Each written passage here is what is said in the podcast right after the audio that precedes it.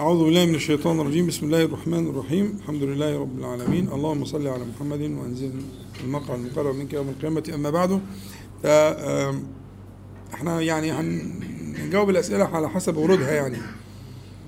آه، سواء إذا كانت متعلقة بالدرس أو غير متعلقة بالدرس. فالسؤال دعيت إلى صلاة الجنازة بمسجد السيدة نفيسة ولكني أعلم أن بالمسجد آه، قبرا فما حكم حضور الجنازة هناك وإن كان سيصحبها صلاة فريضة؟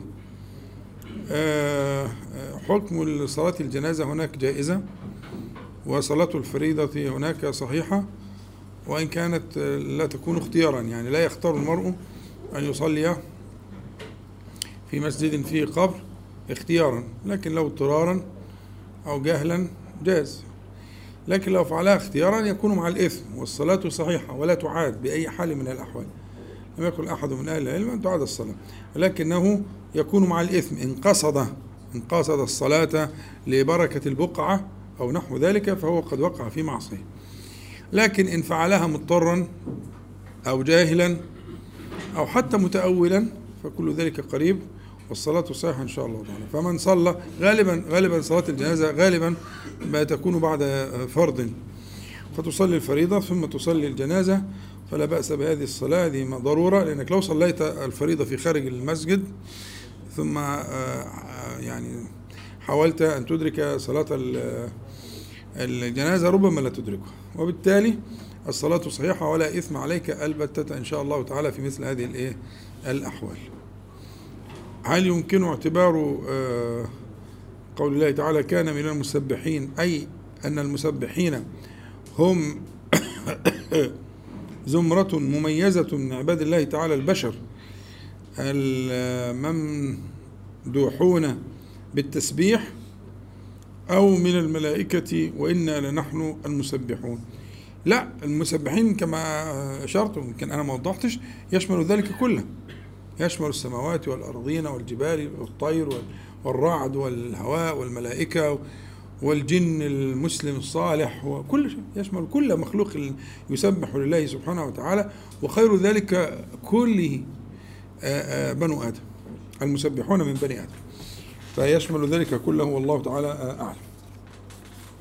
السؤال اللي بعد كده بيقول ما الفرق بين صيغ التسبيح المختلفة سبحان الله سبحانك سبحان الله العظيم سبحان ربي الأعلى. سبحان مصدر. فالتسمية بالمصدر أو النداء بالمصدر أو الوصف بالمصدر فيه معنى المبالغة. يعني وإن كان هو يعني في من ناحية الناحية الصرفية فيه تفاصيل ما تهمش حضراتكم لكن هو نوع من المبالغة. يعني أسبح تسبيحا يبلغ الغاية فأقول سبحان. بس. دي معنى كلمة سبحان. سبحان غير سبح لله ما في السماء يسبح لله ما في السماء سبح اسم هذه لكن صيغة سبحان صيغة فيها معنى المبالغة الشديدة فكأنك في كلمة سبحان دي لو فكناها هتبقى أسبح الله تعالى تسبيحا بالغا الغاية في معنى التسبيح والتنزيه لله سبحانه وتعالى.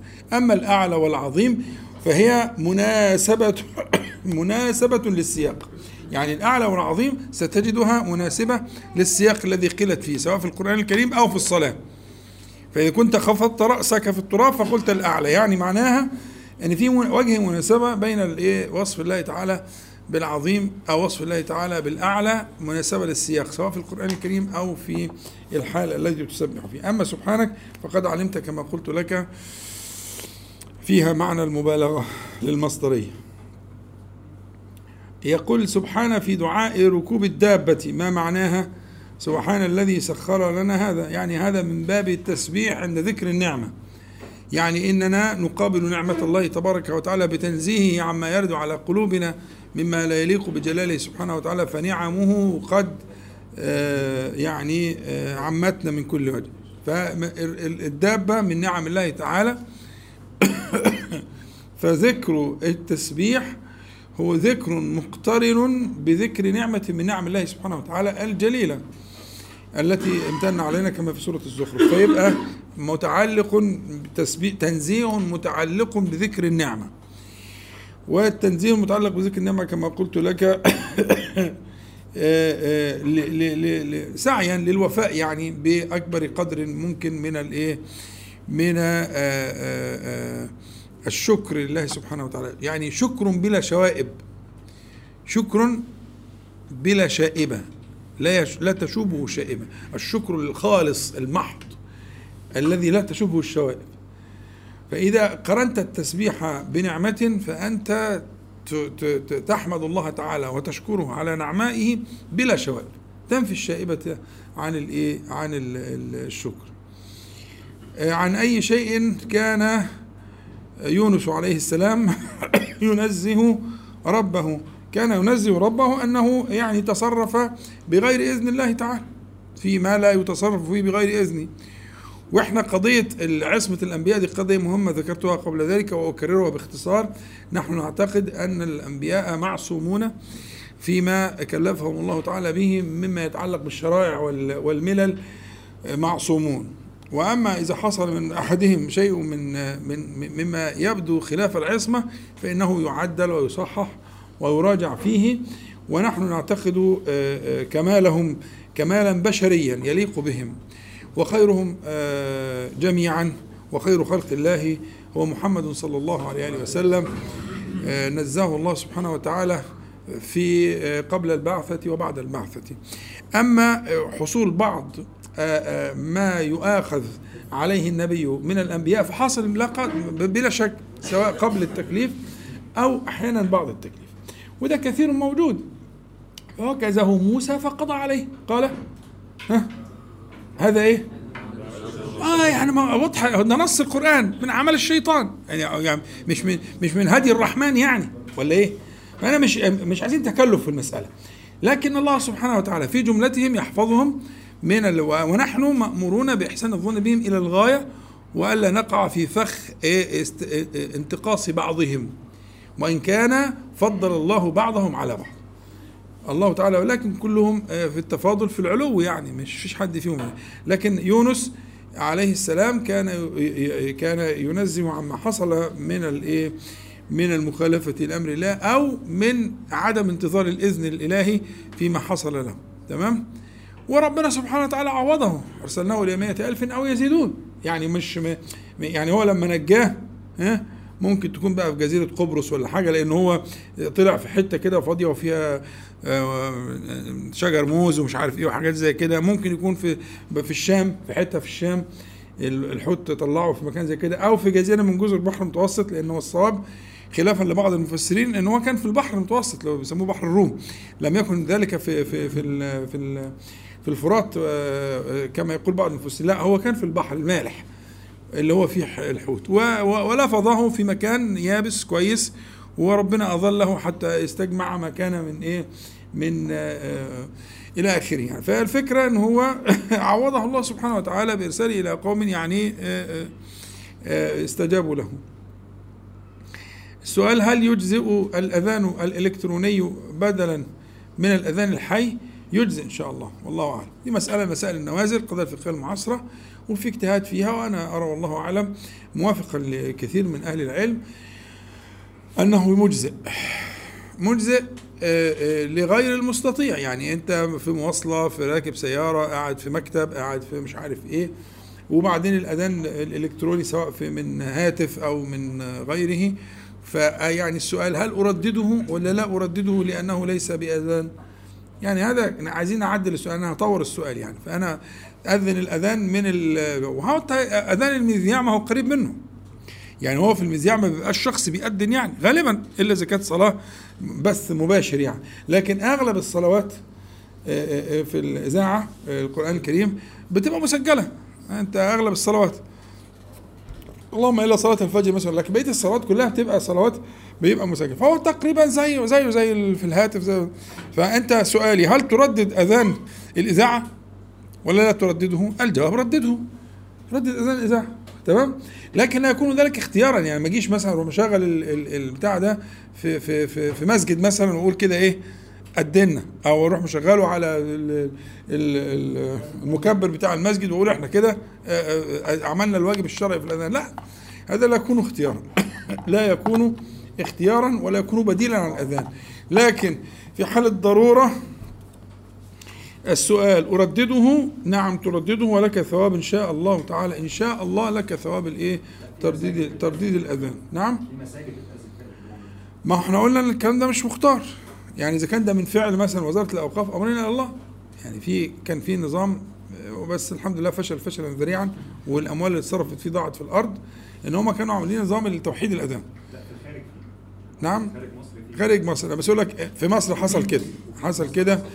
آه، آه، ولا تزال بعض المساجد موجود فيها الجهاز ده يعني اريال كده ومنظر حقير كده بس الحمد لله ربنا خذلهم وفشل المشروع فشلا ذريعا.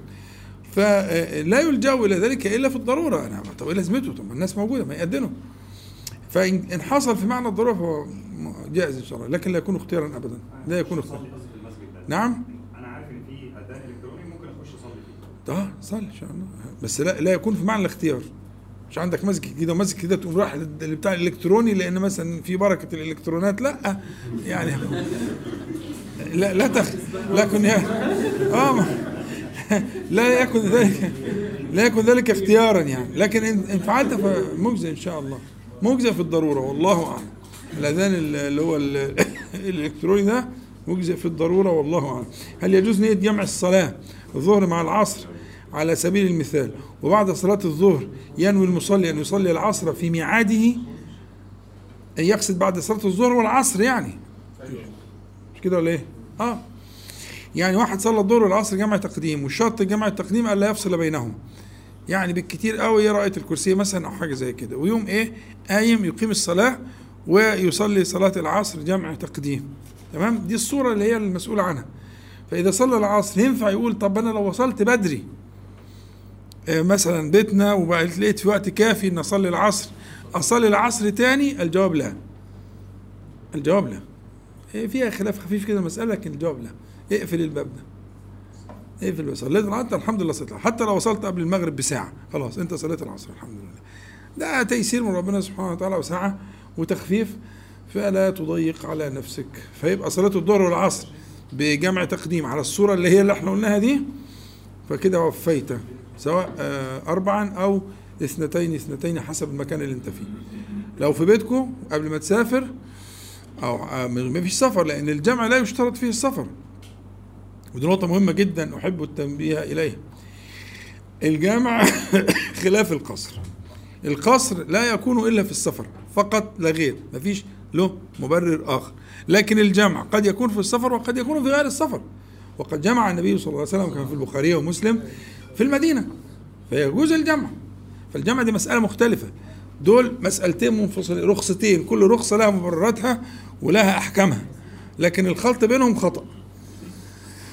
القصر لا يكون إلا في السفر مفيش قصر في الحضر خالص. لكن الجمع قد يكون في الحضر وقد يكون في السفر نفصل بينهم. واحد صلى جمعا أربعة وأربعة ماشي. أو اتنين واتنين إذا كان عنده رخصة إيه؟ السفر يبقى جمع بين الرخصتين بين رخصة القصر ورخصة الإيه؟ الجمع. ها؟ يعني ينفع جمع تقديم قبل ما اسافر يعني أنا دلوقتي أنا مسافر اصلي الظهر والعصر بعد كده اتوكل على الله وأنا في وقت الظهر في البيت قصدك؟ آه أربع ركعات آه صلى على رسول الله صلى الله عليه وسلم. عشان الناس بيشتكوا بيقولوا ما بيسمعش الأسئلة. هو السؤال اللي أنا هقوله ده إن شاء الله. اللي هو عبارة عن إيه؟ إن واحد إن شاء الله هيصلي هيسافر بعد الظهر مثلا مسافة بعيدة. كذا ساعة سفر. واخد بالك؟ يعني فوق مسافة القصر. فالراجل ده في بيتهم لسه في بيتهم.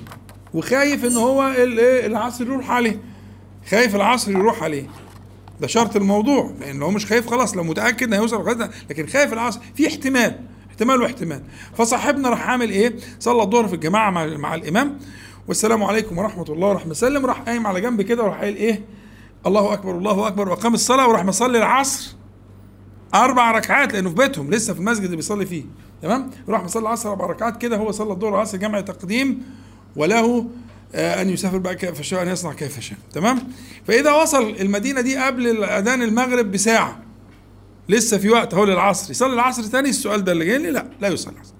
قد حصل أن هو صلى الظهر والعصر جمع تقديم في مدينته في بيته اربعا وأربعة. والله لو وصل قبل العصر وصل بالعصر زي بعد العصر كله لا فرق. يعني لا لا عليه لا عليه. لازم لا عليه. خلاص هو خلاص لا، رفع عهدتي من الصلاة. يبقى ربنا يوسع عليه يشوف بقى مصلحته ينام يعمل. هو هو كده قد قد أدى الصلاة.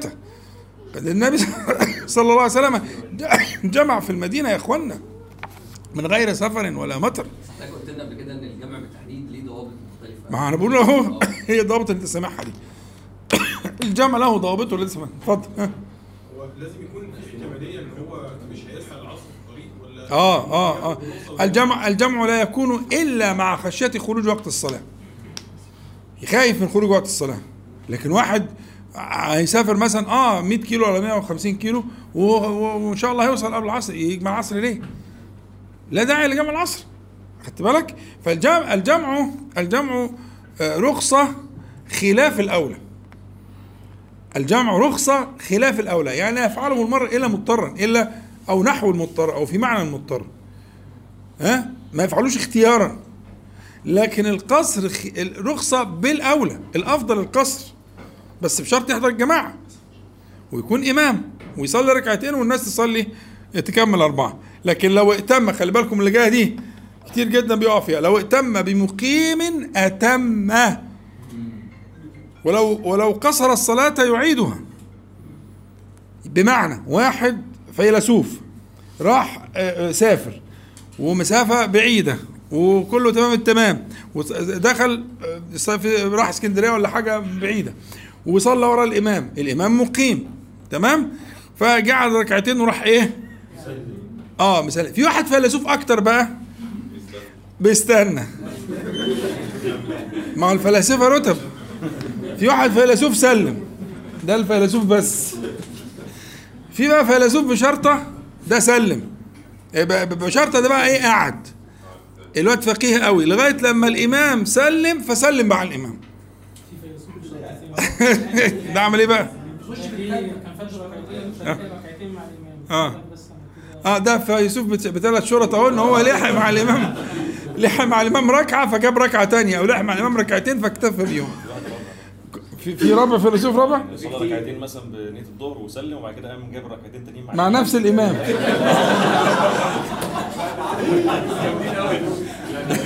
طبعا. دي رتب. دي رتب من الفلسفة يا جماعة. كل ده باطل. يعيد الصلاة. يعيد الصلاة كلها من أولها لآخرها. يجيب أربع ركعات. فما فيش حد يعمل القصص دي خالص. ها؟ يجيب ركعتين لو لوحده. آه لو لوحده يجيب ركعتين. جمع العصر مع الجمعة. جائز. أيوه ما هي العصر. الصواب طبعا في خلاف لكن الصواب اللي عليه الجمهور وال... وعليه المحققون إن ال- الجمعة بديل للظهر. الجمعة بديل للظهر.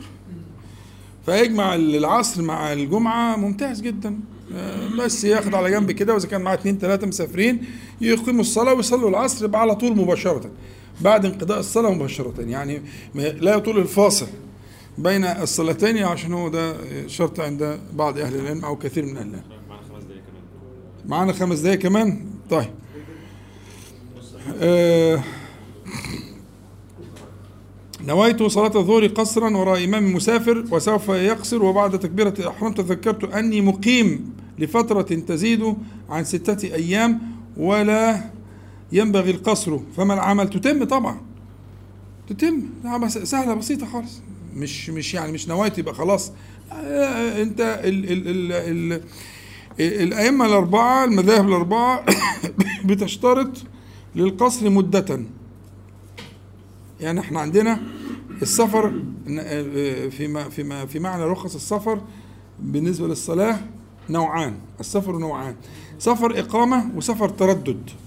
سفر إقامة وسفر سفر الإقامة اللي هو ناوي يقيم مدة معينة بعينها. أنا رايح المكان الفلاني مثلا مدة كذا أربعة أيام ثلاثة أيام خمسة أيام وراجع. ده اسمه سفر إيه؟ ها؟ الإقامة. سفر الإقامة. وسفر الثاني اسمه سفر التردد. سفر التردد اللي هو إيه؟ أنا رايح أقضي مصلحة. أنا رايح أقضي مصلحة. أنا هرجع لما تخلص المصلحة دي. المصلحة دي ممكن تخلص في يوم ممكن تخلص في عشرة اللي هي في فكرة إيه؟ أسافر اليوم وأسافر غدا. أسافر لما تخلص المصلحة أسافر. يبقى عندنا نوعين من السفر. ماشي؟ الأحكام المشهورة على سفر اسمه سفر الإقامة. اللي هو آه، كم يقيم؟ كم يقيم؟ ها؟ فهو آه، اللي عليه المذاهب كلها تحديد مدة. المذهب الإمام الشافعي هو أقرب مذاهب. مسألة اسمها مسألة تقديرية. أن آه، يتم يتم إذا آه، أقام في بلد السفر أربعة أيام عدا يومي الدخول والخروج. يعني يطرح يوم الدخول والخروج ويبقى في أربعة إقامة تامة. مظبوط؟ يعني المجموعة القصة كلها ستة. يوم سفر رايح يوم سفر جاي وأربعة إقامة. ده يقيم على طول. لكن لو هيقيم ثلاثة أو اثنين أو واحد له أن يقصر الصلاة بشرط ألا يضيع الجماعة. شرطه كده. مش معنى يقصر الصلاة الس- المسافر ده مش بلطجي مش معناه يسيب كل السنة ويسيب الرواتب ويسيب الأذكار الكلام ده كلام مش مظبوط. ده ضياع وبالذات لو السفر في أماكن فيها فتن وفيها حاجات زي كده. لا أنت في حاجة أنت في أمس الحاجة لذكر الله تعالى. لكن إحنا بنتكلم على قصة عدد الركعات. عدد الركعات زي ما قلنا آه، آه، تكون إذا كنت إماما أو منفردا. اللي إحنا بنقوله ده الأربعة يبقوا اثنين في حاجة من اثنين إذا كنت اماما أو كنت إيه؟ منفردا. أما إذا كنت ماموما فإنما جعل الإمام ليؤتم به. صح؟ تمام؟ زي الفل. بس كده هيغير النية بعد ال بعد التكبير انه ده؟ صعب السؤال؟ آه غير ونص إيه المشكلة؟ عادي يجوز تغيير النية في صلاة ال في الحالة دي يجوز ولا شيء ولا شيء عليه ولا شيء فيه معلش السؤال ده علاقه بال بال- اللي هو عشان مثلا عايز يصلي العشاء قصر ما جمع بعد صلى المغرب مع الإمام عايز يجمع العشاء ومش عايز يصليها منفرد يصليها جماعة. مم. ممكن يخش ورا أي حد يصلي السنة جائز جائز. عند مذهب عند الإمام الشافعي جائز. اللي هو اختلاف النية واحد بيصلي متنفل وأنا اتم به بنية الفريضة أو العكس. جائز جائز بلا حرج. هي فيها مسألة خلافية بين المذاهب لكن الصواب إن شاء الله إن شاء الله إنه جائز. أن يأتم المتنفل بالمفترض أو أن يأتم المفترض بالمتنفل. قريب. لقيت واحد بيصلي السنة فأنا رحت إيه؟ داخل وراه بنية إن أنا إيه هكمل. هو يصلي ركعتين وأنا هكمل أو صلاة ركعتين واسلم معاه. ها؟ أنا داخل على نيته. فجائز إن شاء الله ولا شيء فيه. قصر ولا تمام؟ طيب. يعني إيه؟ لو كانت ركعتين يبقى قصر. ما ما كده انت ما هي السنة ركعتين. ما في سنة أكتر من ركعتين. في السنة اللي هي سنة الرواتب للصلاه يعني. اللي بيصليها الناس في العشاء والمغرب. ما هو الناس بتصلي في العشاء مرتين هو كده خلاص هو هيصلي ركعتين وعلى نيته إن هي فريضة بالنسبة له وهي آه، نافلة بالنسبة للإمام. ولا شيء فيها إن شاء الله. نعم. مقيم. مين بيتكلم؟ آه انت انت الصوت طالع مني مش عارف. أنا صليت مرة الجمعة بعدين صليت العصر ورا واحد مم. فبعد ما سلمت قال لي ده ده مقيم ده مسافر. انت ما ينفعش تصلي وراه. لازم يبقى هو مسافر. هو كان بيصلي إيه اللي صاحبنا ده؟ هو بيصلي سنة. سنة؟ آه. طب وإيه المشكلة؟ مقيم مقيم قول قول له المقيم ده في الفريضة وال, وال في الائتمام بنية المقيم في الفريضة لكن هو بيصلي سنة. يستوي فيها المقيم والمسافر. السنة يستوي فيها المقيم والمسافر. الفرق في المقيم والمسافر في الفريضة وليس في السنة. فرق النية في الفريضة ليس في السنة. هو غالب على ظنك كده بيصلي سنة. صلي وراه وانت صليت الفريضة. لا بأس عليك إن شاء الله تعالى. ده طبعا على خلاف قلت إن في خلاف في مسألة اختلاف بين نية الإمام والماموم في التنفل وفي الفريضة. ولكن الصواب إن شاء الله أنه لا يضر. والله أعلم. أنت طيب أنا أنا 10 دقايق ماذا ما ما- ماذا يفعل ماذا يفعل من خشي على نفسه وأهله وأهل بيته من العين والحسد. السؤال ده مهم. ماذا يفعل؟ يفعل ما كان يفعله النبي صلى الله عليه وسلم. والنبي عليه الصلاة والسلام كان له أوراد راتبة يحافظ عليها. دي أول حاجة. يبقى المحافظة على الأوراد الراتبة للنبي عليه الصلاة والسلام أصل في الدفع. دفع كل الشرور. عين وحسد وغيره. وأنا كنت قبل كده بينت الفرق بين العين والحسد ترجعوا لها إذا حبيتوا يعني. وهناك أذكار إضافية للبقى إيه الذي يخشى عليه أو المبتلى أو إلى آخره في أذكار إضافية وفي أعمال إضافية للغير الراتبة. في حاجة اسمها راتبة بتتعمل مع الصباح والمساء ودبر الصلوات وعند النوم ورقية الأطفال وإلى آخره والمسح على الجسم وكل واحد معوذتين وتنفس في كفيك إلى آخره. دي الرواتب اللي هي بتتعمل كل يوم. دي أمان وضمان. ثم هناك في غير راتبة تكون لأصحاب الحاجات الخاصة يعني. اللي هو عنده مشكلة أو إلى آخره ده له والحمد لله أنا عندي شوية آه، أوراق يعني مطبوعة وكده فاللي يحب يبقى يتواصل معايا وأنا أديله الإيه ال ال ال الورد ده لأصحاب ال- ال- الحاجات الخاصة الزائدة يعني. اللي عنده طلب زائد. لكن ال ال الكافي الراتب كافي جدا جدا إن شاء الله تعالى. الراتب كافي جدا إن شاء الله. باختصار كيف نعالج آه، الفتور في العبادة والتقصير؟ كويس إن هو بيقول باختصار جزاه الله خير عشان طبعا الوقت مش كافي. آه, آه, آه يعني في في الموضوع طبعا كبير ياخد آه، أوقات طويلة في الشرح والبيان لكن في معاقد المساله في في أصول للمسألة يبنى عليه. من أعظم ذلك الصحبة. يعني أنا في تقديري إن في الزمان اللي إحنا عايشين فيه ده إن مسألة الصحبة مسألة ما هيش مسألة آه، آه، إضافية أو تكميلية أو تحسينية لا المسألة جوهرية. النبي عليه الصلاة والسلام يقول إنما يأكل الذئب من الغنم القاصية. أنت بقى لك تتصور لو ذئب إنفرد بإيه؟ بغنم هيعمل فيها إيه؟ بتشوفوا أنتوا الأفلام بتاعت الناشونال جيوغرافيك والحاجات دي شوفوا شوف الذئب بيعمل إيه في البتاع. بيفرتكها فهكذا سيصنع الشيطان بالمنفرد. في حاجة يا إخوانا؟ أنا معاكم؟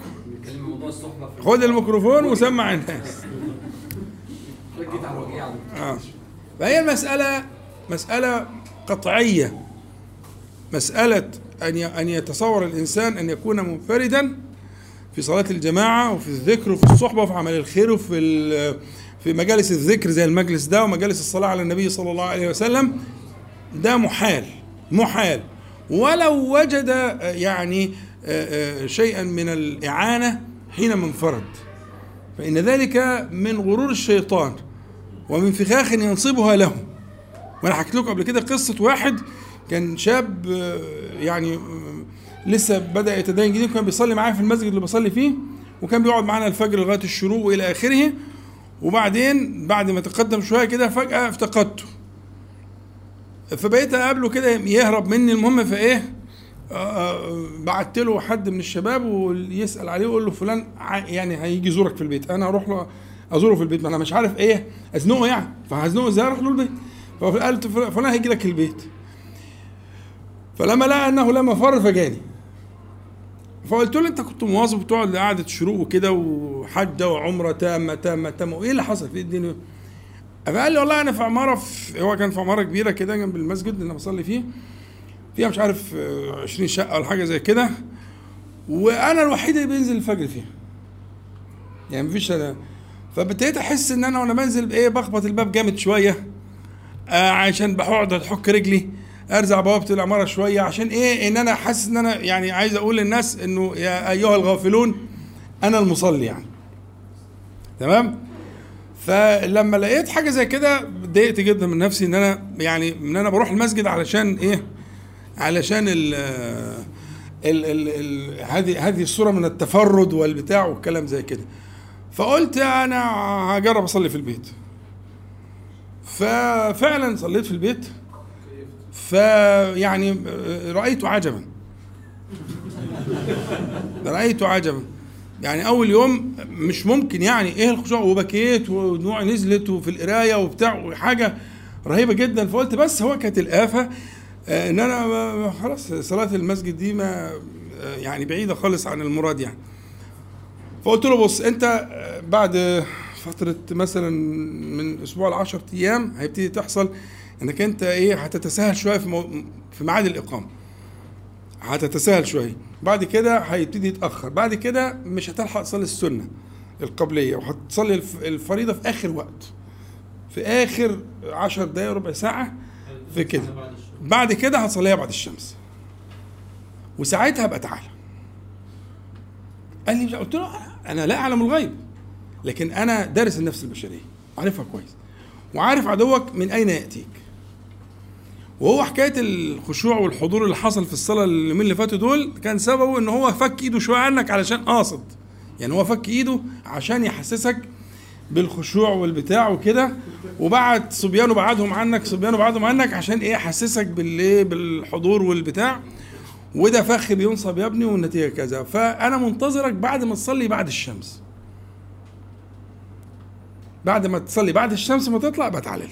أنا منتظر هو طبعا شافني أنا يعني إيه بتنطط عليه. أول زي ما سميها يعني ما عجبوش الكلام قوي فقلت له خلاص أنا مستنيك. لما تلاقي نفسك بتصلي بعد الشمس يبقى تعالى.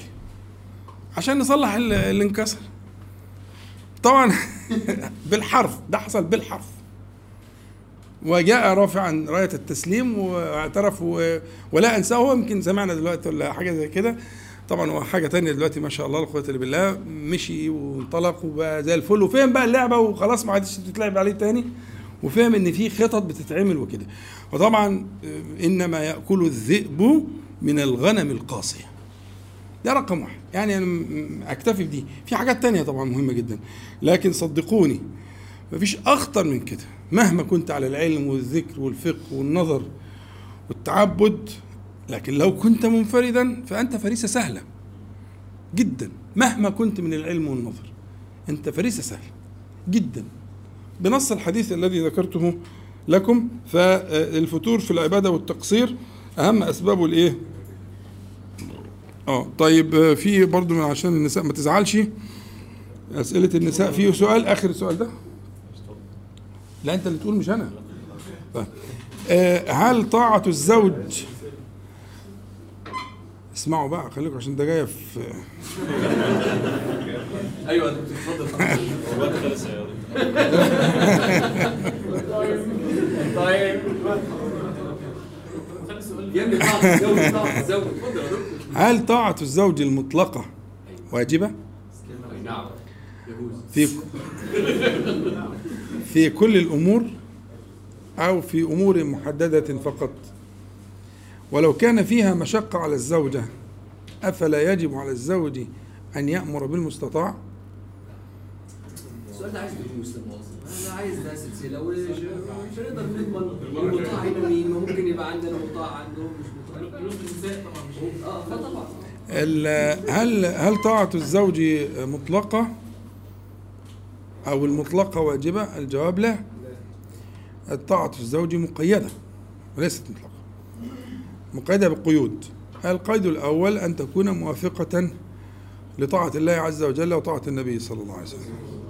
والا فلا طاعة له. يعني إن كان الأمر مخالفا. لكن هذا الأمر يحتاج إلى شيء من الفقه. فلا يتعجل في الحكم ويسأل ويستفسر. يعني هل ده موافق للشرع ولا غير موافق؟ لأن غالبا لا الزوج ولا الزوجة غالبا يعني يكونون قد أحاطوا بالشرع وعلموا الفقه والأشياء زي كده. ففي حالة زي كده يرجعون إلى أهل الذكر فيسألون عن إن كان هذا الأمر موافقا لأمر الله تعالى وأمر رسوله صلى الله عليه وسلم أم لا. فالطاعة غير مطلقة الطاعة مقيدة. فكلمة في أمور محددة نعم في أمور محددة والأمر متعلق بإذن الشرع بإذن الشرع يأمرها بإذن الشرع. فأنت بتتكلمي في قاعدة عامة يعني إن كان في سؤال محدد ابعتوه.